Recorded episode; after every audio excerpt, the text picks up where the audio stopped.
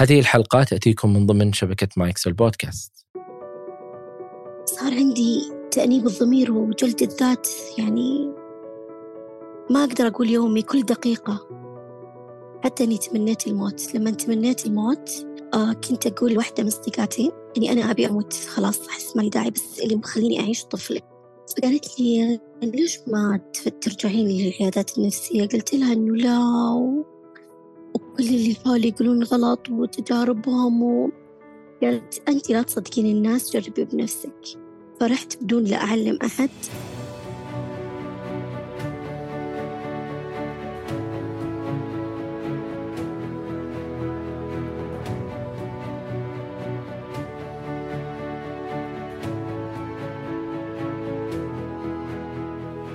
أهلا بكم يا أصدقاء.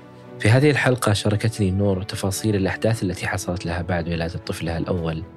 آسر تشخيصها باكتئاب آه، ما بعد الولادة آه، واكتشافها آه، لهذا التشخيص والأعراض التي مرت بها حتى حصولها على التشخيص. شاركتني هذه التفاصيل بالمشاعر التي مرت بها وقت الحمل وما بعد الولادة. لا تنسوا يا أصدقاء تقييم البودكاست على آيتونز. كذلك مشاركة الحلقات السابقة من تحبون. عبر منصات التواصل المختلفة. أي شخص حاب يشارك تجربته معي هنا على البودكاست أتمنى منك أنك تتواصل معي على العنوان البريدي وهو أسامة at وجدان دوت كو كل شيء ذكرناه في هذه الحلقة تجدونه في وصف هذه الحلقة.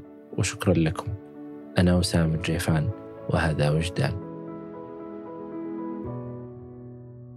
متى أول مرة آه سمعتي كلمة اكتئاب؟ الصدق يعني ولا مرة سمعتها وقت ما أنا كنت مضطربة أو كنت أحس بالأعراض كنت وقتها أحسب إن حياتي الطبيعية ما كنت أدري إن في شيء اسمه اكتئاب واضطرابات نفسية أبدا يعني أنا ما سمعتها إلا بعد ما شخصت متى كان هذا التشخيص؟ كان قبل تقريبا تسع سنوات من الآن إيش حصل يعني بهذاك الوقت من حياتك وخلاك تقولين أنا شكل فيني شيء؟ أول شيء يا أستاذ أسامة آه، أنا ببدأ كلامي بأن الإنسان عدو ما يجهل. فأنا كنت أجهل بالاضطرابات النفسية والاكتئاب والأمور هذه اللي تتعلق بالنفس ومرض النفس. آه، فكان كنت كل شيء أعانيه يا إني أحسبه من طبيعة الإنسان أو إني كنت أحسب شيء مؤقت وزائل أو كنا وقتها بسبب الثقافة المجتمعية أو ثقافة الأهل نربطها بال بالعين والحسد والبعد عن الله. ف أول ما بدت عندي تشد الأعراض بعد ولادتي بطفلي الأول آسر كنت أستغرب إني أنا مشاعري تجاه طفلة. مو كره بس ما في مشاعر. فظليت أبحث عن الموضوع. وكلمت دكتورتي فقالت لي حولتني على دكتور نفسي. آه لما حولتني على دكتور نفسي أنا بلغت اللي حولي في الكل كان رافض بشدة. وقالوا ما هي إلا أوهام والكل يمر في هذه الحالة لا تسمعين كلامها الأدوية ممكن تضرك لأن الدكتور نفسي نصحني بالعلاج الدوائي. فما كملت في الموضوع و وجلست طول فترة النفاس أو فترة الأربعين وأنا أعاني. آه خلصت فترة النفاس. آه ما أقدر أقول إن الموضوع زاد بس إني ما زلت لا أشعر بأي مشاعر تجاه طفلي أقوم معه بالواجبات كأني رباط آلة إلين ما أكمل طفلي عمر السنة. أم فبعد ما أكمل عمر السنة أقدر أقول قبل إن الوضع كان ثابت لكن بعدين بدأ يزيد بعد السنة. بدأت تجيني أفكار إني ليش أنا موجودة؟ أنا مالي أهمية في الحياة. أنا وجودي ضرر أكثر من إنه فائدة. أي شيء أسويه أستاذ أسامة أسامة أحضره. يعني مثلا اليوم تأخرت ساعة ما صحيت. أنا ماني أم كفو.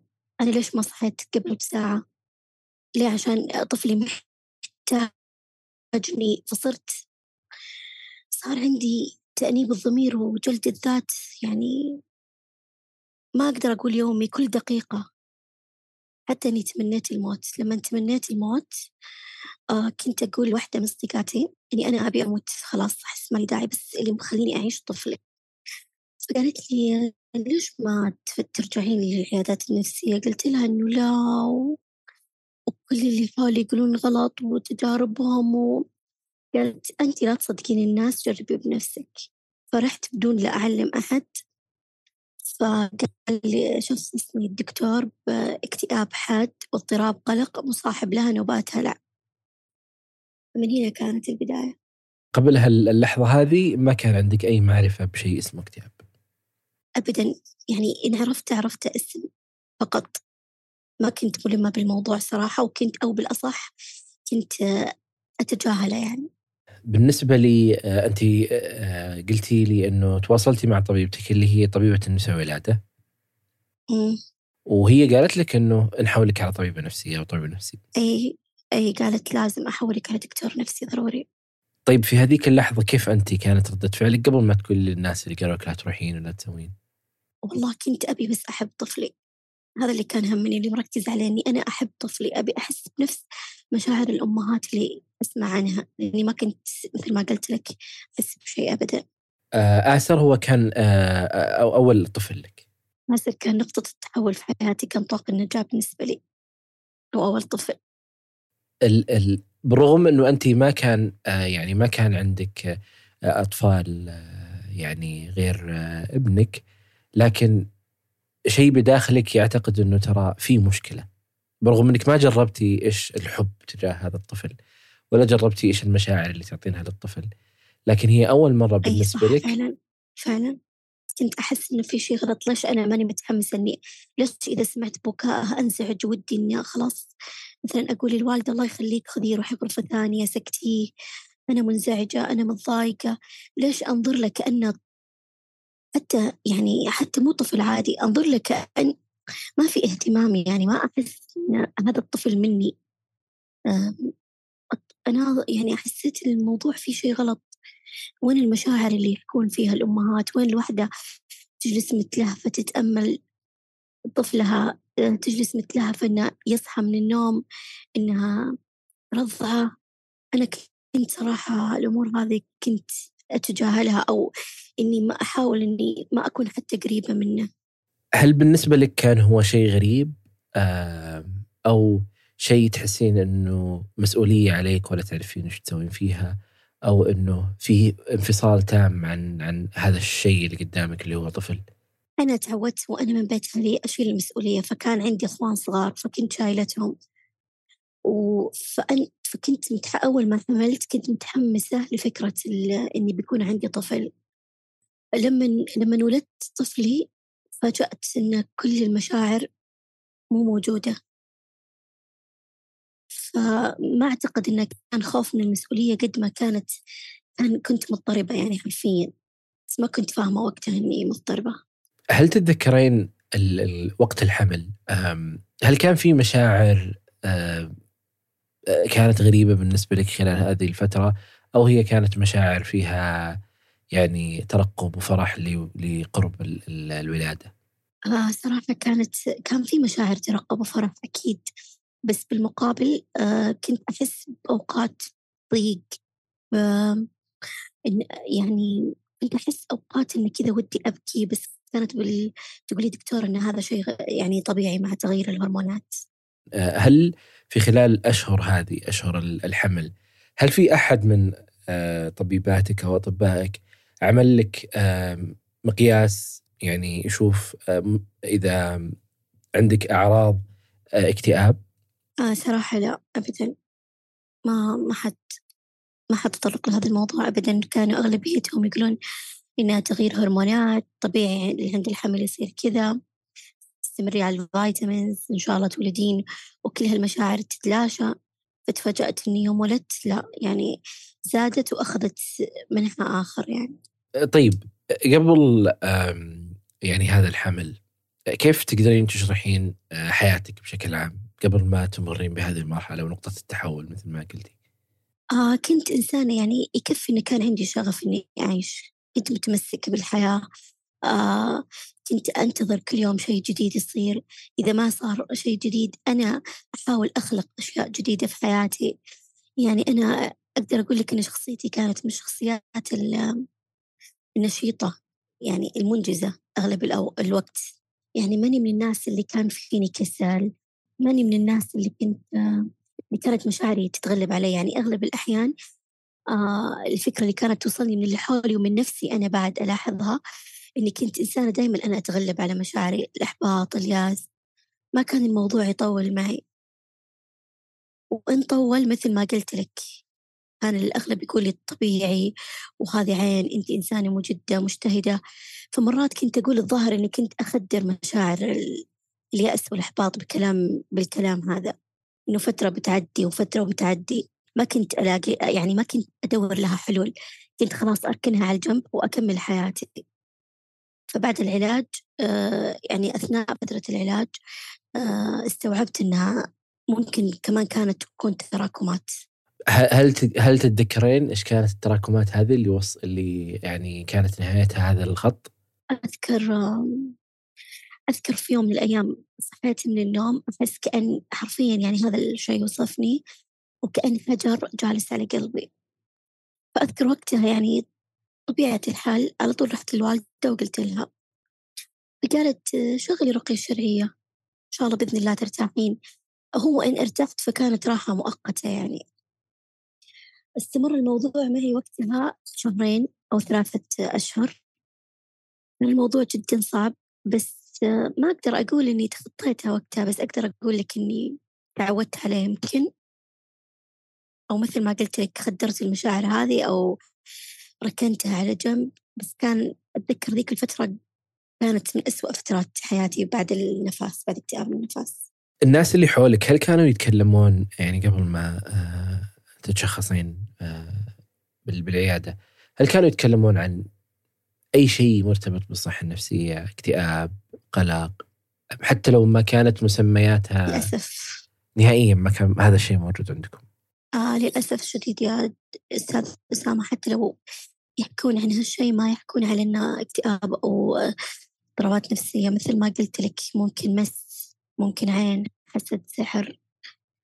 يعني بعدين أنا استوعبت بعد ما عرفت مع مع العلاج بدأت أستوعب إن في ناس كانوا مضطربين بس كانوا يسمون الأشياء بغير مسمياتها يعني. اللحظة اللي آه، يعني خلال السنة هذه السنة الأولى اللي أنت كنت تمرين بهذه المشاعر كيف كانت حياتك؟ يعني سنة كاملة من من تغيرات ومن مشاعر مختلفة من من عدم معرفتك آه، كيف آه، يعني ترجعين لحالتك السابقة كيف تتواصلين مع طفلك. إيش إيش حصل لك خلال السنة هذه؟ آه والله هذا ساعة صراحة حطيت يدك على الجرح. يعني وقتها أولا أحمد الله إني أنا الآن بصحة وطفلي الآن صحة جيدة ولله الحمد وقتها. آه مثل ما قلت لك كنت آلة. ما في مشاعر نهائيا نهائيا اتجاه طفلي. كان كل اللي هم يهمني إنه ياكل ويشرب يكون بشكل نظيف ومرتب. آه كنت مثل ما قلت لك أجلد ذاتي كل دقيقة. إذا ما كان مثلا حتى لو ملابسه توسخت أو شيء أتضايق مرة وأكبر الموضوع وأحس إني أنا ماني أم جيدة ليش فجأة كذا؟ ليش ما انتبهت من أول؟ مع يعني الآن بطبيعة الحال طبيعي إن الطفل كطفل إنه يتوسخ ملابسه أو آه، غرفتي لازم تكون مرتبة دائما ما ما أبيه يدخل الغرفة والغرفة مو مرتبة. أحس إنه لا أنا أجرمت بحقه.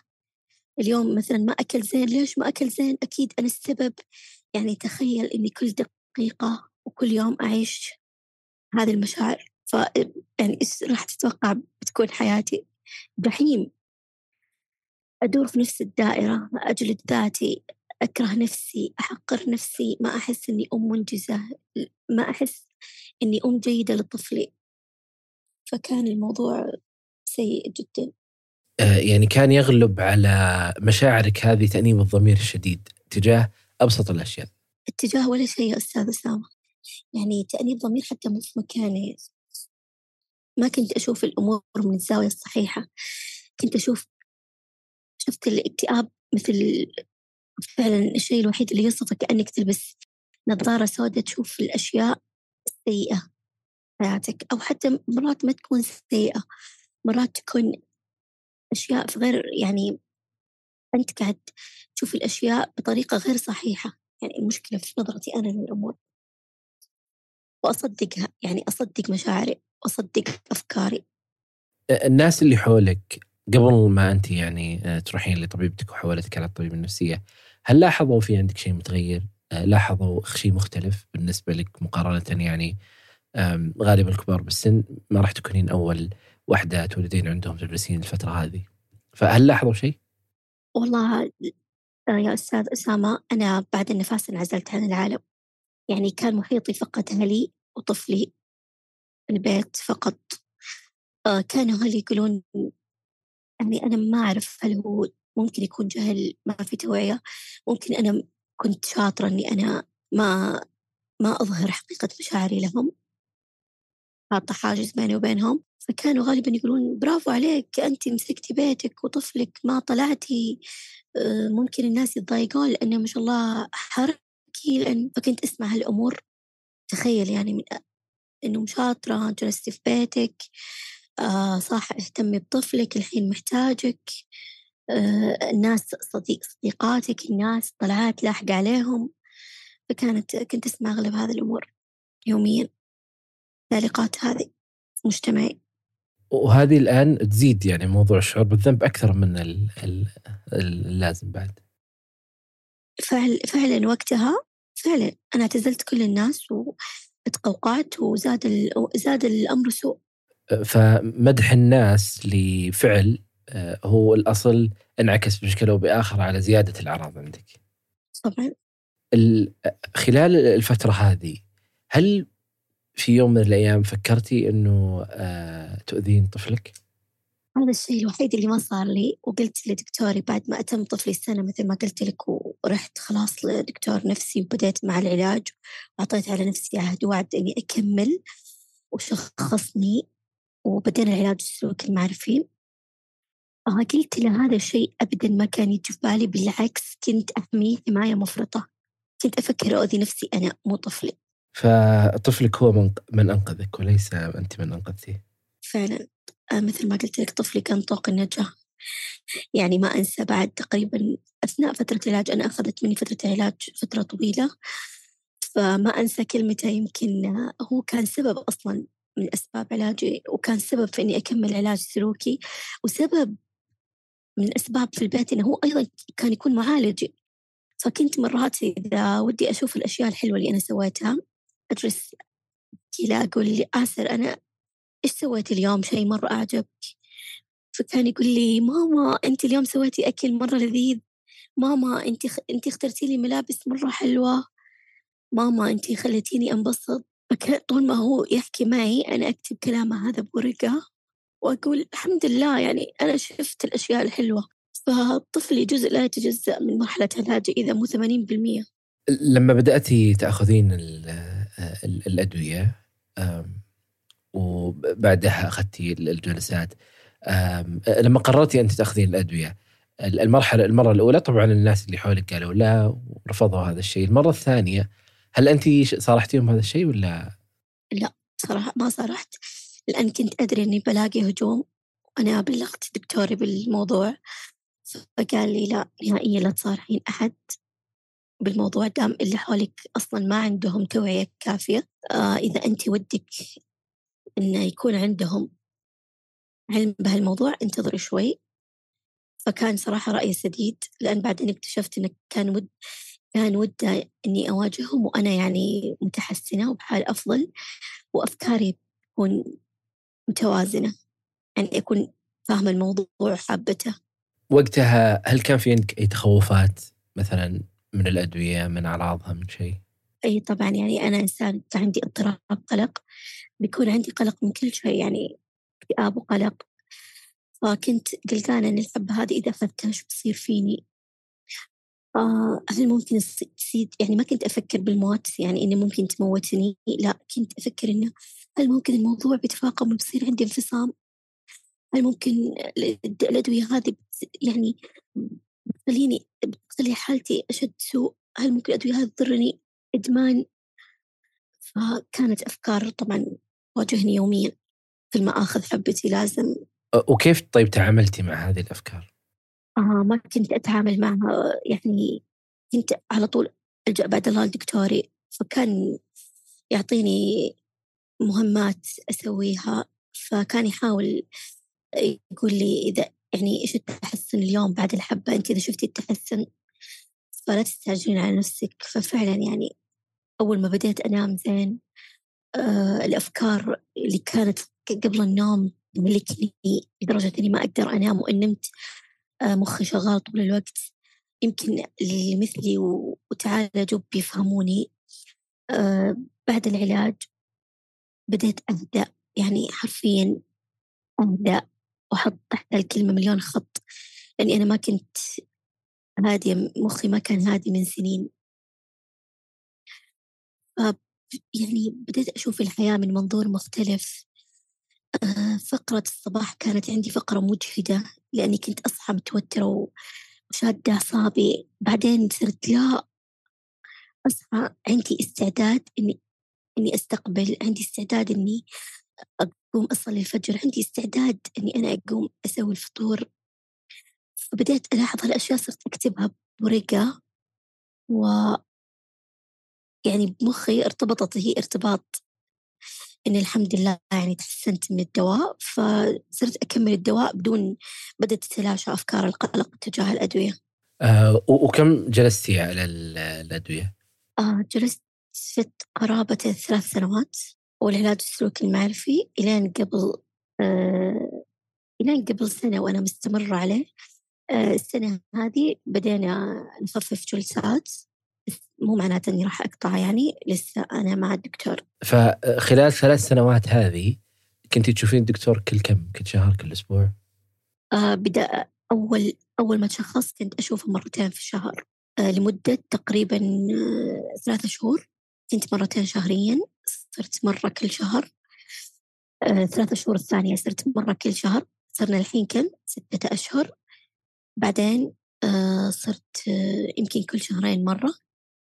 بس العلاج السلوكي المعرفي كان عند أخصائي. فإذا كنت تقصد الطبيب هذا لكن الأخصائي لا. كنت لمدة سنة كاملة في الشهر ثلاث مرات. ثلاث مرات في الشهر الواحد لمدة سنة كاملة. نعم ثلاث مرات شهريا. هل لا زلتي إلى الآن تحضرين جلسات؟ مثل ما قلت لك تخلصت الجلسات كثير بس إلى الآن ما زلت فأنتظر يعني حسب دكتوري ما راح يعني أوقفها إلا إذا خلاص طيب أنت قلتي أنه طفلك أصبح معالجك كيف هذا الشيء؟ آه مثل ما قلت لك كنت في البيت إذا حسيت مثلا بدأت تجيني أفكار إني أنا اليوم كنت سيئة كنت أسأله أقول له آسر كيف أنا ماما اليوم؟ أنا سويت شيء مرة عجبك يا آسر؟ فكان يقول لي ماما اليوم سويتي فطور مرة حلو ماما اليوم ملابس اللي اخترتيها مرة حلوة ماما أنت اليوم ماما طلعنا سوا ماما أكلنا آيس كريم لذيذ مرة شكرا يا ماما. آه آسر كان معالج لي في البيت كان يفتح عيوني على أشياء حلوة كان يوعيني وينبهني كم كان عمره وقتها؟ تقريبا كان عمره ثلاث سنوات تقريبا ثلاث سنوات متى يعني متى كانت اللحظة اللي تحسين بدأت الأعراض عندك تخف؟ وهل تتذكرين هذيك اللحظة اللي بداتي بدأت المشاعر ترجع لك بشكل مختلف تجاه طفلك؟ آه. آه. بديت أهدى بعد تقريبا ستة أشهر من الدواء يعني كان بديت بديت أحس بمفعول الدواء يعني بطريقة واضحة لكن بديت أحس كأني انولدت من جديد. إذا تقصد يا أستاذ أسامة بعد سنة من العلاج الدوائي والعلاج السلوكي آه بدأت مشاعري بدأت أحس بتفاؤل آه مشاعر الإحباط يعني تكاد تكون متلاشية. ما أحس فيها بدأت أتعرف على أفكاري التلقائية اللي أنا تعودت عليها تضرني وبدأت بدأت أواجه نفسي بدأت أحب نفسي بدأت أطبطب نفسي يعني صرت أعامل نفسي كأني أ... كأني أتعامل مع ولدي آسر. كان الموضوع سهل وصعب في نفس الوقت. صعب ليش؟ لأني أنا بدأت أتعرف على المشاعر على حقيقتها فكان هذا الموضوع وكأني طفل تو انولد وجالس يتعامل مع مشاعر جديدة فكان الموضوع يعني كأني تخيل يا أستاذ أسامة كأني أهدي نفسي من نفسي كأني كان الموضوع جدا صعب رغم لذاذته إني أنا الحين جالسة أحس بمشاعر مرة حلوة بس جديدة علي يعني فما أنسى ذيك اللحظة أقدر أسميها لحظة الانشراح يعني. حرفيا أنا منشرح صدري ولأول مرة كان وقتها. بشكل عام يعني ال ال يعني حياتك لما تقولين ما قبل الأدوية وما بعد الأدوية كيف كانت؟ ما قبل الأدوية كنت إنسان فقط. لكن ما بعد الأدوية كنت إنسان كنت كتلة روح كتلة مشاعر آه كنت إنسان يحس. وحط كلمة يحس ألف خط. صرت أحس بالأشياء الحلوة في حياتي. صرت أقدرها حتى ولو كانت صغيرة. الأشياء اللي كنت أعتبرها سيئة اكتشفت إنها مو سيئة إنها شيء طبيعي. ف وكأني كأني فسخت النظارة السوداء. وصرت أشوف الأمور على حقيقتها. طيب بعد هذه التجربة هل بدأتي مثلا تطلعين على مواضيع مرتبطة بالصحة النفسية والمجال النفسي؟ طبعا طبعا. آه، اشتريت كتب ويعني يفضل من هذه الناحية سؤال أهل الاختصاص آه، عن الكتب هذه مثلا طبيب نفسي أو أخصائي لأن مرات في كتب إحنا ما نفهمها فنضطر نفهمها من منظورنا حنا آه، فنفهمها غلط. فأنا لجأت لدكتوري وأعطاني أسماء كتب كانت ممكن تفيدني. أنا حرصت يعني وأشكر نفسي على هذه النقطة. حرصت الفترة الفترة هذيك إني ما أدخل مخي أي شيء ممكن يضره أو ممكن أفهمه غلط. يعني كنت أقنن وأختار الشيء اللي أحاول أو أكون متأكدة إنه راح يفيدني ما راح يضرني وراح أفهمه بشكل غلط. بالنسبة لك خلال الفترة هذه فترة العلاج النفسي بالذات يعني علاج الجلسات مع الأخصائي إيش الأشياء اللي تحسين إنه بعد كم يعني بعد سنة كاملة أو سنتين حتى ثلاث سنوات ذكرتي تغيرت نظرتك تجاه كثير من الأشياء بسبب اللي حصل داخل العيادة؟ وقتها تغيرت نظرتي تجاه أول شيء تجاه نفسي. اكتشفت إني أنا قبل كانوا يسموني قنوعة. كنت أقول ليه ليه كنت قنوعة؟ بعدين اكتشفت بعد العلاج لأني كنت أرضى بأي شيء يقولونه الناس اللي حولي ما كان لي شخصيتي الخاصة فيني. اتجاهاتي الخاصة فيني. آه بعدين تعرفت على نفسي أكثر. أفهم نفسي أفهم احتياجاتي أقدرها لها الأولوية. آه كنت آه كانت لي قراراتي الخاصة. هذه نعمة نعمة بعد العلاج. إني أنا أتخذ قراراتي بنفسي. كنت مسؤولة عن نفسي. آه، صرت أصبحت أقصد مسؤولة عن نفسي. آه، ما أخاف من نفسي. فقرة الخوف هذه والأفكار والقلق اختفت فهذا أحسن تغيير صار في حياتي. إني أنا صرت مسؤولة عن نفسي وعن قراراتي وراضية بقراراتي ومعجبة جدا فيها. ويعني وإن قررت شيء وسويته أسويه باستمتاع كامل من غير ما أشيل هم الناس اللي حولك هل عرفوا بعد هالسنوات هذه ولا للحين ما حد يعرف؟ طبعا لا لا طبعا واجهتهم بالموضوع بعد ما صرت أحسن. طبعا مثل ما قلت لك نفس المرة الأولى كان في البداية رف وخلاص اقطع الأدوية وأنت الحين مو محتاجتها وأنت الحين في أحسن حال وإحنا مو شايفين فيك شيء. آه ليه ليه ليه رحتي لهالطريق؟ ترى مجرد مهدئات أنت بمجرد ما تتركينها راح تنتكسين بس وقتها أقدر أقول كان فيني مو مية بالمية بس كان في كان في عندي صلابة نفسية. يعني كنت فاهمة الوضع فقدرت أرد عليهم. يعني لأن الحمد لله كان عندي وعي كافي. واجهتهم وأنا أعتقد أن الوعي اللي كان فيني قدرت أني أصدهم وأقول أن الموضوع مو كذا. وحاولت وقتها قد ما أقدر إني أوعيهم بس ما تعبت نفسي. يعني ما هدرت طاقتي. حاولت قد ما أقدر إني الأولوية لنفسيتي يعني خلاص أنا قلت لكم وماني منتظرة منكم شيء خلاص بس من باب العلم بالشيء. وعشان أحس بعد إني أنا أنجزت كذا حسيت إن هالشيء حلو. إنهم يدرون مو شيء غلط عشان أسكت عنه يعني بالعكس أنا ودي إنهم يتوعون. كانت هذه فكرتي الأساسية.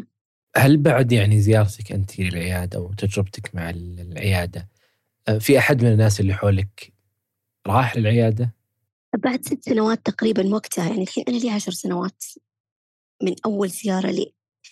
بعد ست سنوات أذكر جاني اتصال من من واحدة من قريباتي فتقول أبي تجربتك آه، وقتها ما قالت لي إن هي تتعالج أمانة بس بعدها بكم شهر رجعت دقت وقالت آه، أنا كنت تعبانة ومريت في حالة مشابهة لحالتك تذكرت حكيك رحت وتشخصت.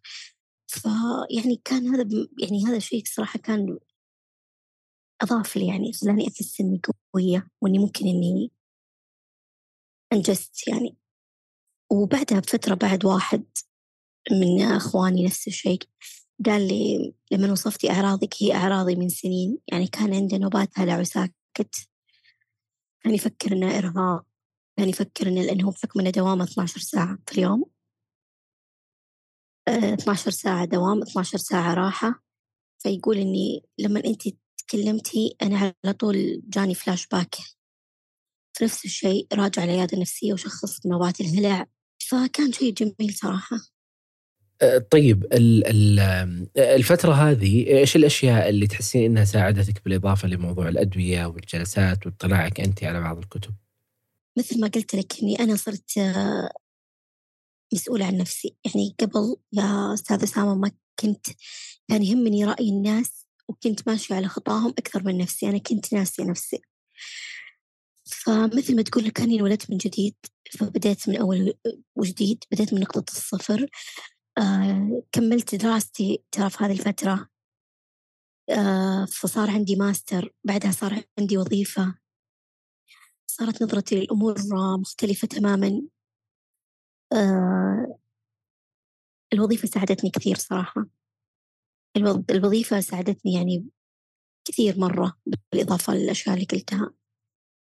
شعور إنك تكون متوظف في مكان أنت سعيت له وبجدارتك ترى شعور مرة جميل. تحس إنك في المكان الصح وتكون مرتاح نفسيا و... وأنا أنجزت يعني. هذا إنجاز يضاف لي. فكنت فخورة بنفسي وما زلت. أهم لو قلنا أنه طفلك يسمع هذه الحلقة شو ممكن تقولي له؟ حبيبي آسر. أنت من الناس اللي اللي ساهموا إني أنا أكون الشخص اللي أنا اليوم فيه. آه آه وجودك في حياتي كان مثل الشمعة في النفق. أنا كنت أحس إني مسجونة في الجنة. آسر كان المفتاح. آه شكرا يا آسر إنك موجود بحياتي والشكر لله إنه رزقني آسر. آسر كانت نقطة تحول في حياتي. والله لا يحرمني منه وأشوفه يا رب في أعلى المناصب. والشكر موصول لك يا أستاذ أسامة إنك خليتني أشارك. أنت بعد أضفت لي ومتأكد إن بعد الحلقة هذه بحس بالإنجاز. شعور جميل والله يعطيك العافية. آه الله يعطيك العافية. ويحفظ لك عسل إن شاء الله ويخليه لك. في شيء حاب تقولينه قبل ما نخلص؟ أحب أقول لكل شخص يعاني أنت لست وحدك. دائما أبحث عن مفاتيح الأقفال. لا يوجد أقفال لا يوجد قفل بدون مفتاح. لكل شخص يشعر بأنه وحيد. أنت لست وحدك. لكل شخص يبحث عن أجوبة خذها من أهل الاختصاص. خذها من أهل الاختصاص. وأكررها مليون مرة. آه لكل شخص خايف. آه استثمر خوفك في التقدم للأمام. واجه مخاوفك. آه بس يعطيك العافية. الله يعافيك. شكرا لك. العفو.